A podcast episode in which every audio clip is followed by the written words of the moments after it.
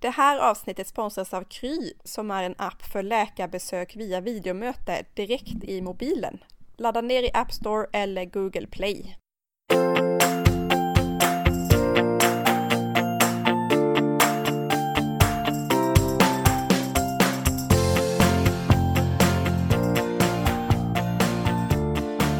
Hej och välkomna till ett nytt avsnitt av Att Resa-podden med mig Annika Myre som driver resebloggen resfredag.se och Mig, Lisa Falåker, som har resebloggen livet från den ljusa sidan.se.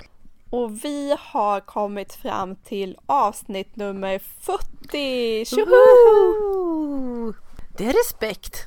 Jag tror inte jag trodde det när vi satte igång från början faktiskt, att vi skulle komma så här, så här långt, 40 avsnitt. Det trodde jag Lisa. Jag var helt övertygad. Hur många tror du det blir? 400. Tror du det?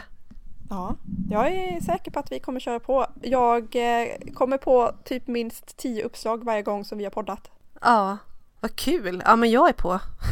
Ja, vad skönt, det Ja. känns skönt att veta. Ja, eller har du tänkt byta ut mig? Nej, nej, nej. Inga sådana planer. Nej men vad bra. Och var tionde avsnitt har vi ju haft eh, frågeavsnitt. Ska vi köra på med det? Det tycker jag absolut vi ska ha. Vi får ju ändå in en del frågor från er lyssnare, vilket är jättekul och eh, vi vill verkligen uppmana er att fortsätta att ställa era frågor. Vi kanske inte svarar direkt, men eh, då kör vi ett uppsamlingshit här som vi gör idag. Just Ehm, och nu när jag har er på tråden så här tidigt, när ni fortfarande orkar lyssna, så vill jag uppmana er att eh, hashtagga era bilder på Instagram med att resa podden. Och eh, kanske också spana in vår Youtube-kanal som ni hittar på att resa. Ja, och vår Facebook-sida som heter Att resa. Så delar vi en massa saker där. Men nu kör vi igång tycker jag. Nu ska vi hoppa in i de här frågorna som vi har fått och gotta oss i lite grann. Fråga nummer ett här. Hej och tack för en superbra podd. Jag är en tjej på 22 år som aldrig har rest i hela mitt liv då jag inte har någon att resa med.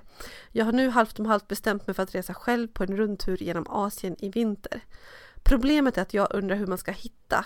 Jag menar, hur gör ni när ni reser själva? Hur hittar man rätt gate om det inte står på svenska eller hittar överhuvudtaget på stora flygplatser eller tågstationer? Är det safe att ta taxi i andra länder som ensam tjej eller är det bättre att åka kommunalt? Mm, kul och eh, intressant fråga.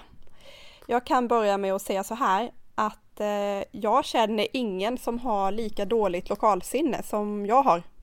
Och det är ett rent under att jag sitter på den här platsen och inte är vilse någonstans. För att eh, jag, eh, jag vet inte hur det går till att jag hittar tillbaka. Men på något sätt så gör jag det. Jag kan ju fortfarande typ tveka. Jag har en kusin som bor på Söder och varenda gång när jag stiger av tunnelbanan så undrar jag om jag ska gå höger eller vänster när jag ska gå till hennes trappuppgång. Och då har hon ändå bott där i säkert tio år. Hur har du klarat dig? Vad är tipset då? För jag har ett bra lokalsinne. Brukar jag tro i alla fall, eller hävda. Ja men jag har nog det oftast. Eh, men hur gör man när man är sådär, sådär Nej, men jag, har, vilse? jag har märkt det på dig Lisa för att du, du, när vi poddar eller när vi pratar om resor så har ju du, du tänker ju i väderstreck hela tiden. Ja men på nordvästra sidan av Manhattan hittar ni det här och på södra och på östra och liksom ha koll på väderstrecken. Ja. För mig finns inte ens det liksom på min världskarta Nej. att det finns väderstreck. Jag är urdålig. Jaha. Mm. Mm. Men eh, mina tips är ändå att eh, fråga sig runt och ha en karta där man ändå får gå. Alltså jag har ju gått med en karta uppslagen och verkligen kollat på kartan, kollat på gatnummer, kollat på gatnamn, kollat på kartan. Nu har ju det blivit eh, otroligt mycket lättare när eh, Google Offlines kartor har kommit eller andra typer av offline-kartor där du kan ladda ner på mobilen och eh, inte behöver vara uppkopplad till mobilen. Nej men det är ju bra så man kan se den här lilla blåa pricken som rör sig i takt med sig själv så man fattar vart man är och vart man ska. Nej men jag håller med. Jag tycker också att generellt är det en inställningsfråga att bara våga. Ta det lugnt. Det löser sig. Det är inte alltid någon som vill hjälpa. Känn dig trygg i det. Jag tycker inte man ska oroa sig eller elda upp sig på förhand utan ta höjd för lite extra tid och sen bara känna sig lugn och trygg i att det kommer att lösa sig. Ja, och jag har ju faktiskt fått det som ett av mina absolut bästa restips eh, när jag var i Amsterdam och frågade vad vi skulle se för någonting i staden. Vi gick ner till hotellreceptionisten och frågade hmm, vilka ställen ska vi gå till? Och han sa till oss att eh, gå vilse, det är då ni hittar de bästa pärlorna. Mm. Kolla inte på kartan så mycket utan verkligen känn in staden och eh, gå, gå på gator som eh, känns härliga. Mm. Ja, men jag kan bara hålla med. Och en annan fråga som brukar komma lite så på köpet är ju hur planerar man sin resa? Hur ska man veta vart man ska åka? Och mitt svar är egentligen samma sak där också. Bara planera inte, fråga, åk till ett ställe och lita på att du kommer hitta ställen att bo på. Du kommer få en känsla när du är någonstans om vart du vill åka härnäst. Så är du 22 år och ska ge dig ut på en sån här upplevelse. Var trygg i det. Du kommer hitta fram och du kommer hitta dina vägar som du vill ta. Regissera inte det på förhand. Det löser sig. Ja, och jag har ofta tagit eh, följe på personer som jag har träffat längs vägen som ska till samma ställe som jag, som jag kan ta rygg på, som är bättre på att läsa kartor än vad jag själv är. Och eh, det är en väldigt relevant fråga såklart det här med språket. Om det inte står skyltar på engelska, hur tar man sig fram? Vilken gate ska man gå till? Alltså i nästan alla fall så finns det någon på flygplatsen som pratar engelska och i de flesta fall finns det också skyltar som står på engelska. Inte på de minsta flygplatserna och i de konstigaste länderna, men åker du till relativt välkända resmål så kommer det finnas skyltar på engelska också. Mm. Vi hade ett, eh, ett, faktiskt ett jätteproblem för ett par år sedan. Vi åkte till, vi skulle till Taiwan och mellanlandade ett par dagar i Peking i Kina, Beijing, och skulle fundera på att åka på en liten utflykt med taxi innan vi åkte till hotellet, att de kunde visa runt oss. Men det var verkligen ingen, ingen, ingen som kunde engelska. Det var ingen som förstod vad vi ville säga. Och vi letade runt på hela flygplatsen. Vi frågade poliser, vi frågade folk som jobbade i informationsdisken och de kunde inte engelska. Mm. Så det slutade med att vi fick ta vår lilla adresslapp som vi hade skrivit ut på förhand hemma i Sverige, för det hade vi fått tips om innan, att skriva ut adressen på hotellet på kinesiska för det står på hotellets, brukar stå på hotellets hemsida att du kan få adressen på det språket du ska till. Så att du kan visa taxichauffören, för det är inte alls säkert att de pratar engelska. Just det, men det finns ju sådana här äh, översättningsappar nu där man faktiskt kan prata in och sen så översätts det med ljud.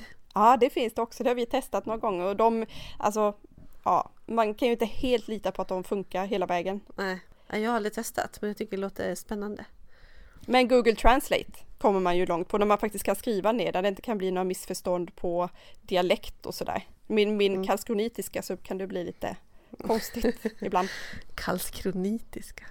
Ja. ja. Så heter det kanske. Mm. Mm. Men det här med att äh, åka taxi i andra länder som ensam tjej, är det safe eller ska man faktiskt åka kommunalt? Vad säger du Lisa? Nej men jag tror inte att det finns något direkt svar på det. Jag tror att man känner av det på olika ställen och lite beroende på, på kultur och så generellt. Men eh, det är väl samma som i Sverige tänker jag. På det stora hela så bra om man åker med rätt taxibolag så. Ja, man kan försöka undersöka innan du åker bort. Innan du åker från Sverige så kan du läsa på olika forum och kolla Facebook om det är någon som har några tips. Fråga runt helt enkelt. Och det är lättare om vi hade vetat vilket resmål du funderade på. Kanske vi hade kunnat eh, ha lite mer tips. Men kolla runt på, eh, med vänner och bekanta och i olika forum på internet. Japp, och när man kommer till någonstans så ta rygg på andra turister och resenärer så har man sällskap även om man reser ensam.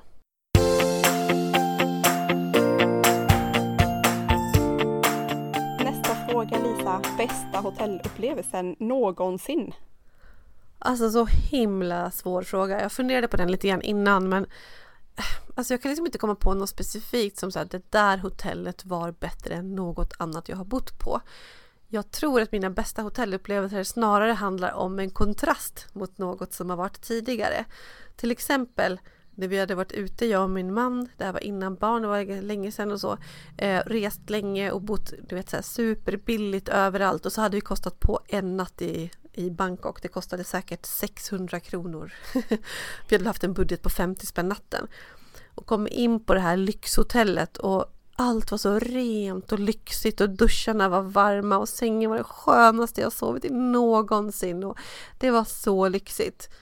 det är den bästa hotellupplevelsen någonsin. Men i själva verket så tror jag att det här hotellet idag skulle jag nog inte tycka att det var särskilt speciellt. Och rummet var säkert inte så stort och du vet så. Så att jag kommer fram till att de bästa är nog det man har, liksom kontrasten om man har kostat på lite extra.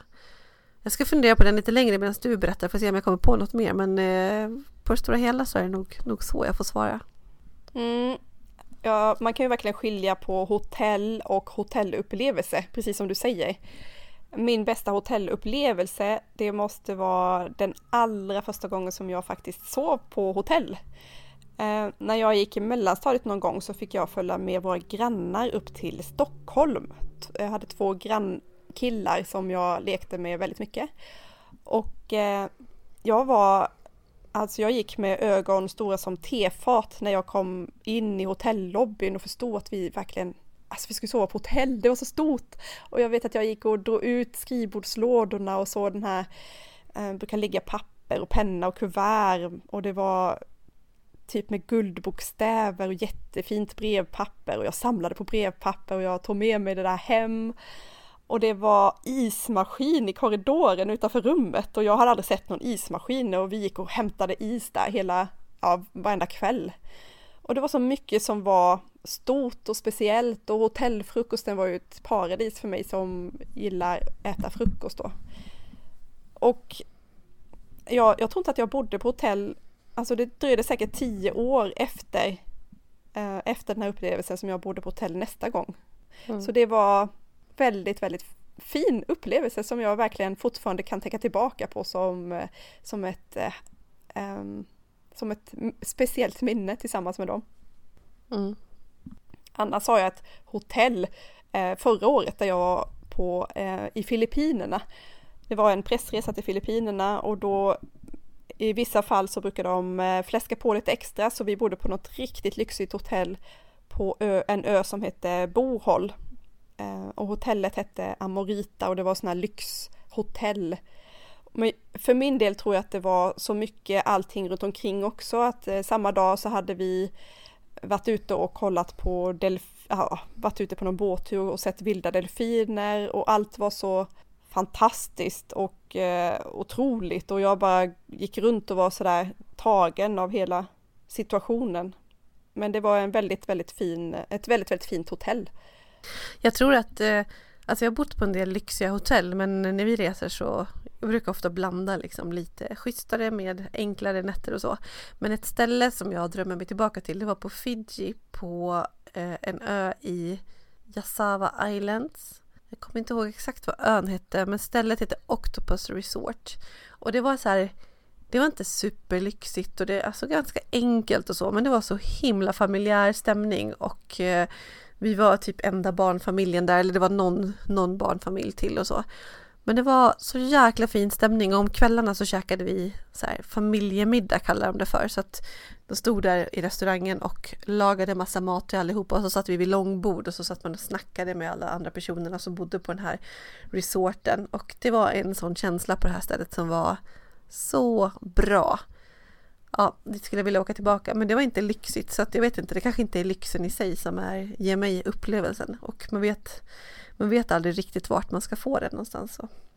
Det handlar om en känsla. Mm. Ja men det, det, det får bli våra svar helt enkelt. Japp.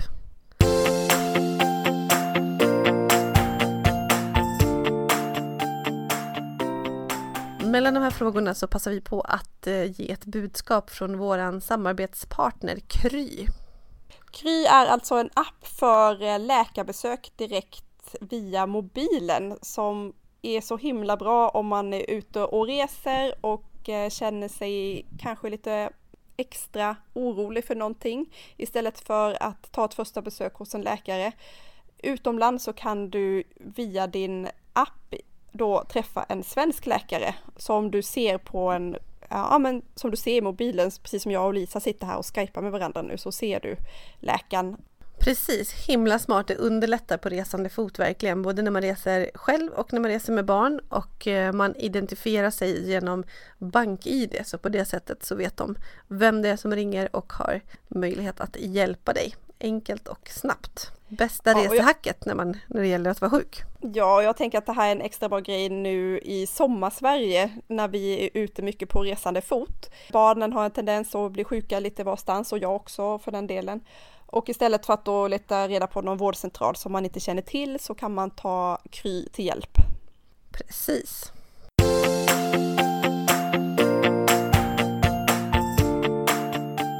Fråga nummer tre. Bästa destinationen för en längre tjejresa eller kompisresa?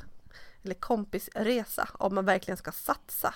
Man har gjort de här vanliga weekendresorna som vi har pratat om i flera avsnitt. Vart skulle du åka Annika?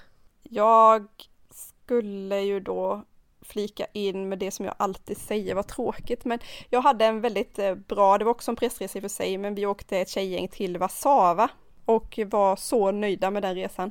Jag tycker det fanns det som jag var ute efter, som var alltså fina restauranger, bra promenadvänliga gator, riktigt lyxiga hotell för en billig peng. Vi hade en jättebra upplevelse i Warszawa, så jag skulle rekommendera och eh, kolla lite på östländerna som man kanske inte kommer att tänka på liksom från början, men som ändå är bra alternativ.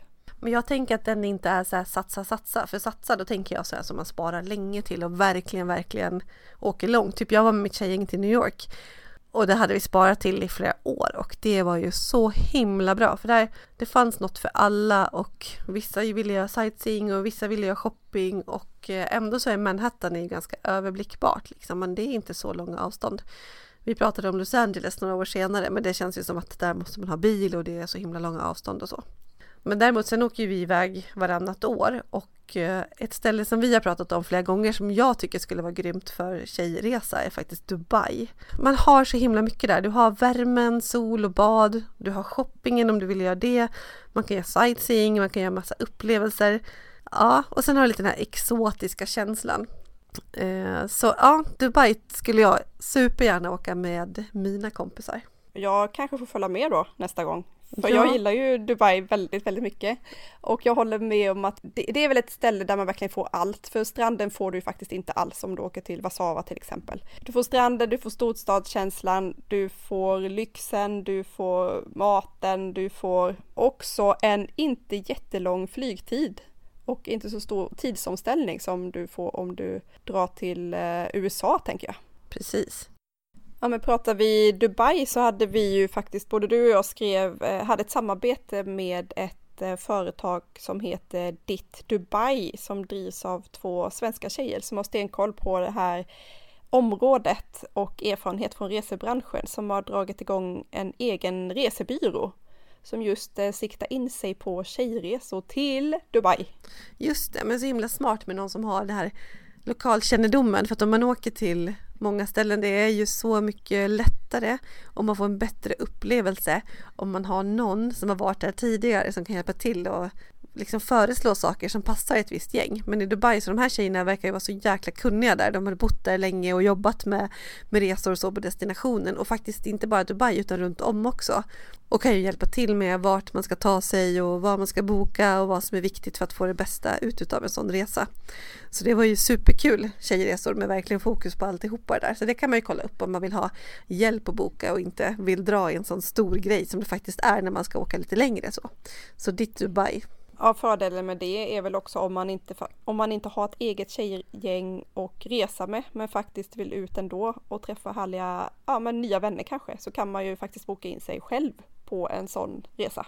Ja exakt och så vet man att man träffar likasinnade. Jag var ju på en liknande sån resa till Hemavan där det var okej det här är tjejresa och man kan boka det själv men få ut allt det här och det är så himla härlig energi tycker jag när man gör sådana saker. Man träffar folk som tycker om samma saker så det är ju ett superbra sätt att komma iväg. Just också apropå att vi får ganska mycket frågor från folk som vill dra själva för att de inte har någon som vill resa till samma ställe.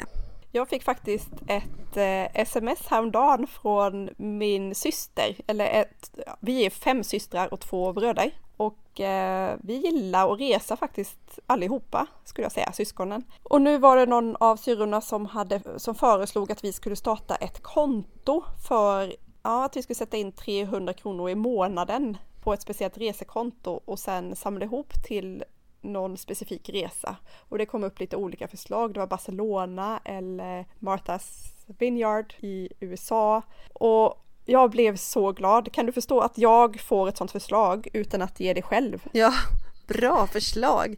Det är så man ska göra för att komma iväg om man har några kompisar och tänker hur ska jag ha råd? Och då är det att starta ett gemensamt sparande så att man är dedikerad och de där pengarna de växer liksom lite utav sig själva så. Man behöver inte spara mycket, ett par hundra i månaden. Det kommer man långt på efter ett tag. Ja, det är ju egentligen två uteluncher så kommer du upp i det, i alla fall här i Stockholm. Mm. Det finns ju saker som man kan spara in på och istället lägga de pengarna på det här kontot. Mm. Bra grej. Tack så mycket Tina och Kajsa och Monna eller vem det var som kom på det. Smart. Eh, en fråga om resebloggande. Det har vi fått två frågor om. Vi börjar med den ena här. Tröttnar ni någonsin på att blogga om resor? Varför måste ni dokumentera allt? Det verkar stressigt. Mm. Ja, Nej, jag sa ju nyss att vi skulle hålla på med podden här i typ 400 avsnitt. Så Ja. jag har ju inget annat val nu. Jag måste Nej. fortsätta. Eh, alltså jag tycker att det är så roligt och det är någonting som jag för första gången i mitt liv verkligen känner att jag brinner för. Så att det här är inte bara någonting som jag gör för att jag måste. Jag gör det här för att det är min passion och min hobby och numera också mitt jobb ju. Mm. Det är en bra kombination. Ja, Ja, mycket bra kombination. Jag är så glad och eh, jag eh, tröttnar inte. Jag kan tröttna på eh, vissa diskussioner som kommer med bloggandet som handlar om till exempel oberoende. Vi blir bara köpta som resebloggare, det är inte våra åsikter, det är våra sponsorers. Men jag vill ju bestämt hävda att jag skulle aldrig prata om någonting som jag inte kan stå för själv. Nej, verkligen. Den där diskussionen är ju lite tråkig men samtidigt så är den ju behövd för att man ser många som faktiskt åker på saker man kanske inte är superintresserad utav eller om det skrivs om hotell som man vet att det är nog ett samarbete men det inte skrivs ut. Det är ju supertråkigt. För min del försöker jag alltid verkligen vara öppen med det så att man ska veta om när det är samarbete. Men det påverkar inte mina åsikter. Jag gör bara sånt som jag vill och jag, sk- och jag skriver bara bra om sådana saker som jag tycker att det är bra. Så jag står verkligen till 110% för mina resor. Och sen ska jag väl säga att jag har inte tid att åka på så många pressresor. Alltså jag kan räkna dem på, jag ska inte ens säga en hand för att det är väl typ två tummar liksom. Jag, jag, jag, jag har inte tid med det. Jag har så många kompisar som jag faktiskt åker med och min man och med familjen och sådär. Så för mig blir det inte så många sådana. Men det är ju jätteviktigt att veta det här att bloggar måste skriva ut när de har samarbeten. Alltså när man har fått pressresor eller någonting gratis. Eh, däremot i alla resetidningar, det är ju resejournalister som skriver det och de är på samma resor som vi möjligtvis är. Och där ser man ju aldrig att det är någon annonsmärkning eller så, så på ett sätt så kan du lita mer nästan på vad du läser i en reseblogg för det är personliga åsikter om olika ställen. Mm, kom ihåg det. Men jag tröttnar heller aldrig. Det är min terapi och det är där jag får utlopp för en massa ja, tankar och skriva ner om de här härliga resorna. Sen har jag fått fråga från min omgivning någon gång så här att Åh, men orkar du fota det där bara för att du ska fota till bloggen? Typ så. Men det är ju inte det utan genom bloggen får jag också utlopp för fotografi som är ett intresse som jag skulle vilja lägga mer tid på.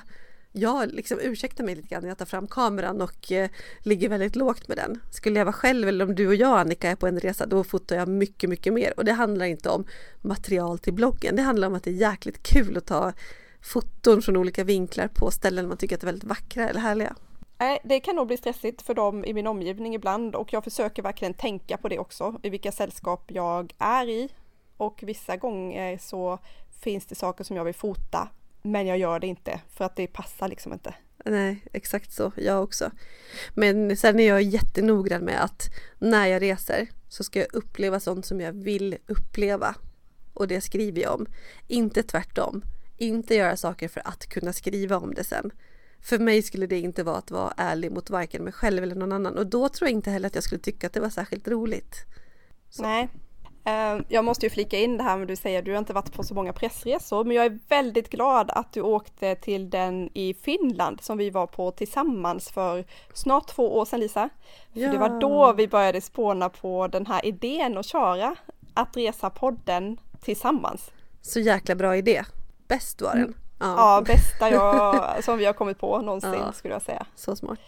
För det har vi också fått någon fråga om, varför, hur kommer det sig att du och jag poddar? Hur, hur började det liksom? Nej, varför egentligen gillar jag inte dig alls. Nej, mycket Vi har konstigt. ingen bra stämma överhuvudtaget. Ja. Ops, det där var ironi. Ja.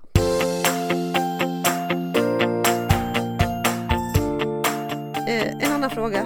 Drömresan ni funderar mycket på just exakt nu? Liten eller stor?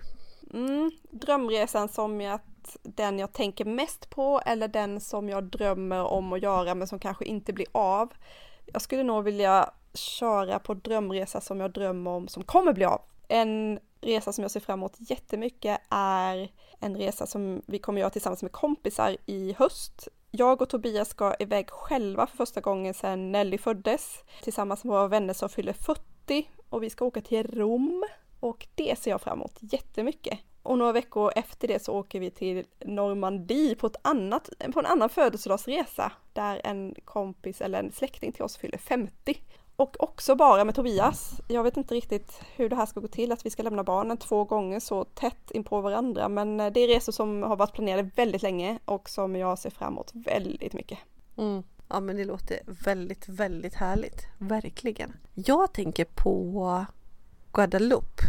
Eh, och det är inget ställe som jag egentligen har tänkt på tidigare och det är inget ställe som jag har någonsin skrivit om. Det finns inte med på någon bucketlist. Jag har egentligen aldrig tänkt på det som destination. Men sen så blev det en sån här, ni vet när man läser någonting någonstans och jag tror att det här var på familjen Thunberg, Ida Thunberg som har rest runt jorden med sina barn nu precis. De hade varit där och tyckte att det överträffade alla förväntningar. De hade inte riktigt några förväntningar men det var så himla bra och helt fantastiskt marinliv och det var vackert och härligt och, och då väcktes liksom den här tanken, jag bara, hmm, men det har jag liksom inte funderat på. Och sen har jag lagt märke till det på så många ställen och läst om det på massa ställen så att nu har det såtts ett frö där jag blev så här, men det vill jag. Men jag har aldrig sagt det högt till någon tidigare men nu var ju frågan exakt just nu och det, ja, det har såtts ett litet frö där.